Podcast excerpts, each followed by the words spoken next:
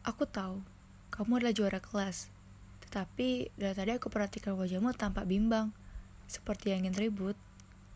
Coba lihat mereka, bersorak-sorak gembira. Mereka telah berhasil merebut kemenangan dalam kenaikan kelas ini, meskipun tidak menjadi juara seperti kau. Itulah bedanya. Tentunya ada yang sedang kamu pikirkan. Tentu saja. Namanya juga orang hidup. Apakah kamu sedang memikirkan hasil juaramu itu? Tidak. Nilaimu yang bagus? Tidak.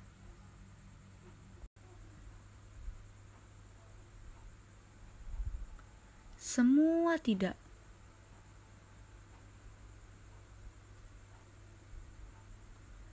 Yang kamu pikirkan itu apakah ada hubungannya dengan makhluk hidup?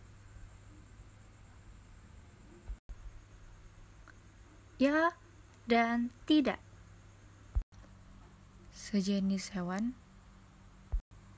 Tidak. Manusia? Tumbuhan? Cacing? Tidak. Manusia tidak. Hewan tidak. Tumbuhan juga tidak.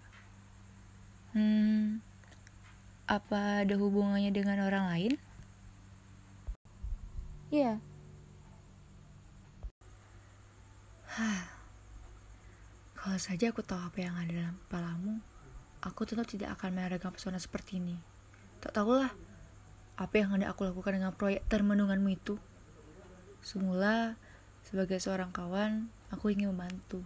Siapa tahu kepalaku yang nunggu ini bisa memberikan pertolongan. Atau paling tidak, semacam perhatiannya khusus terhadap masalah yang khusus pula. Nah, menekali hal itu, Ar. Oh, soal yang khusus-khususan itu toh. Ya, bahkan sangat khusus dan sangat pribadi. Apa itu? Aku kagum dan tidak mengerti terhadap dirimu, Ardi. Terhadap aku yang bodoh dan tidak naik kelas ini. Iya, kamu tidak naik kelas, tetapi begitu besar perhatianmu padaku. Kamu tidak naik kelas, tetapi tampak tidak merasa kecewa, bahkan tenang-tenang saja. Itulah yang membuatku bingung.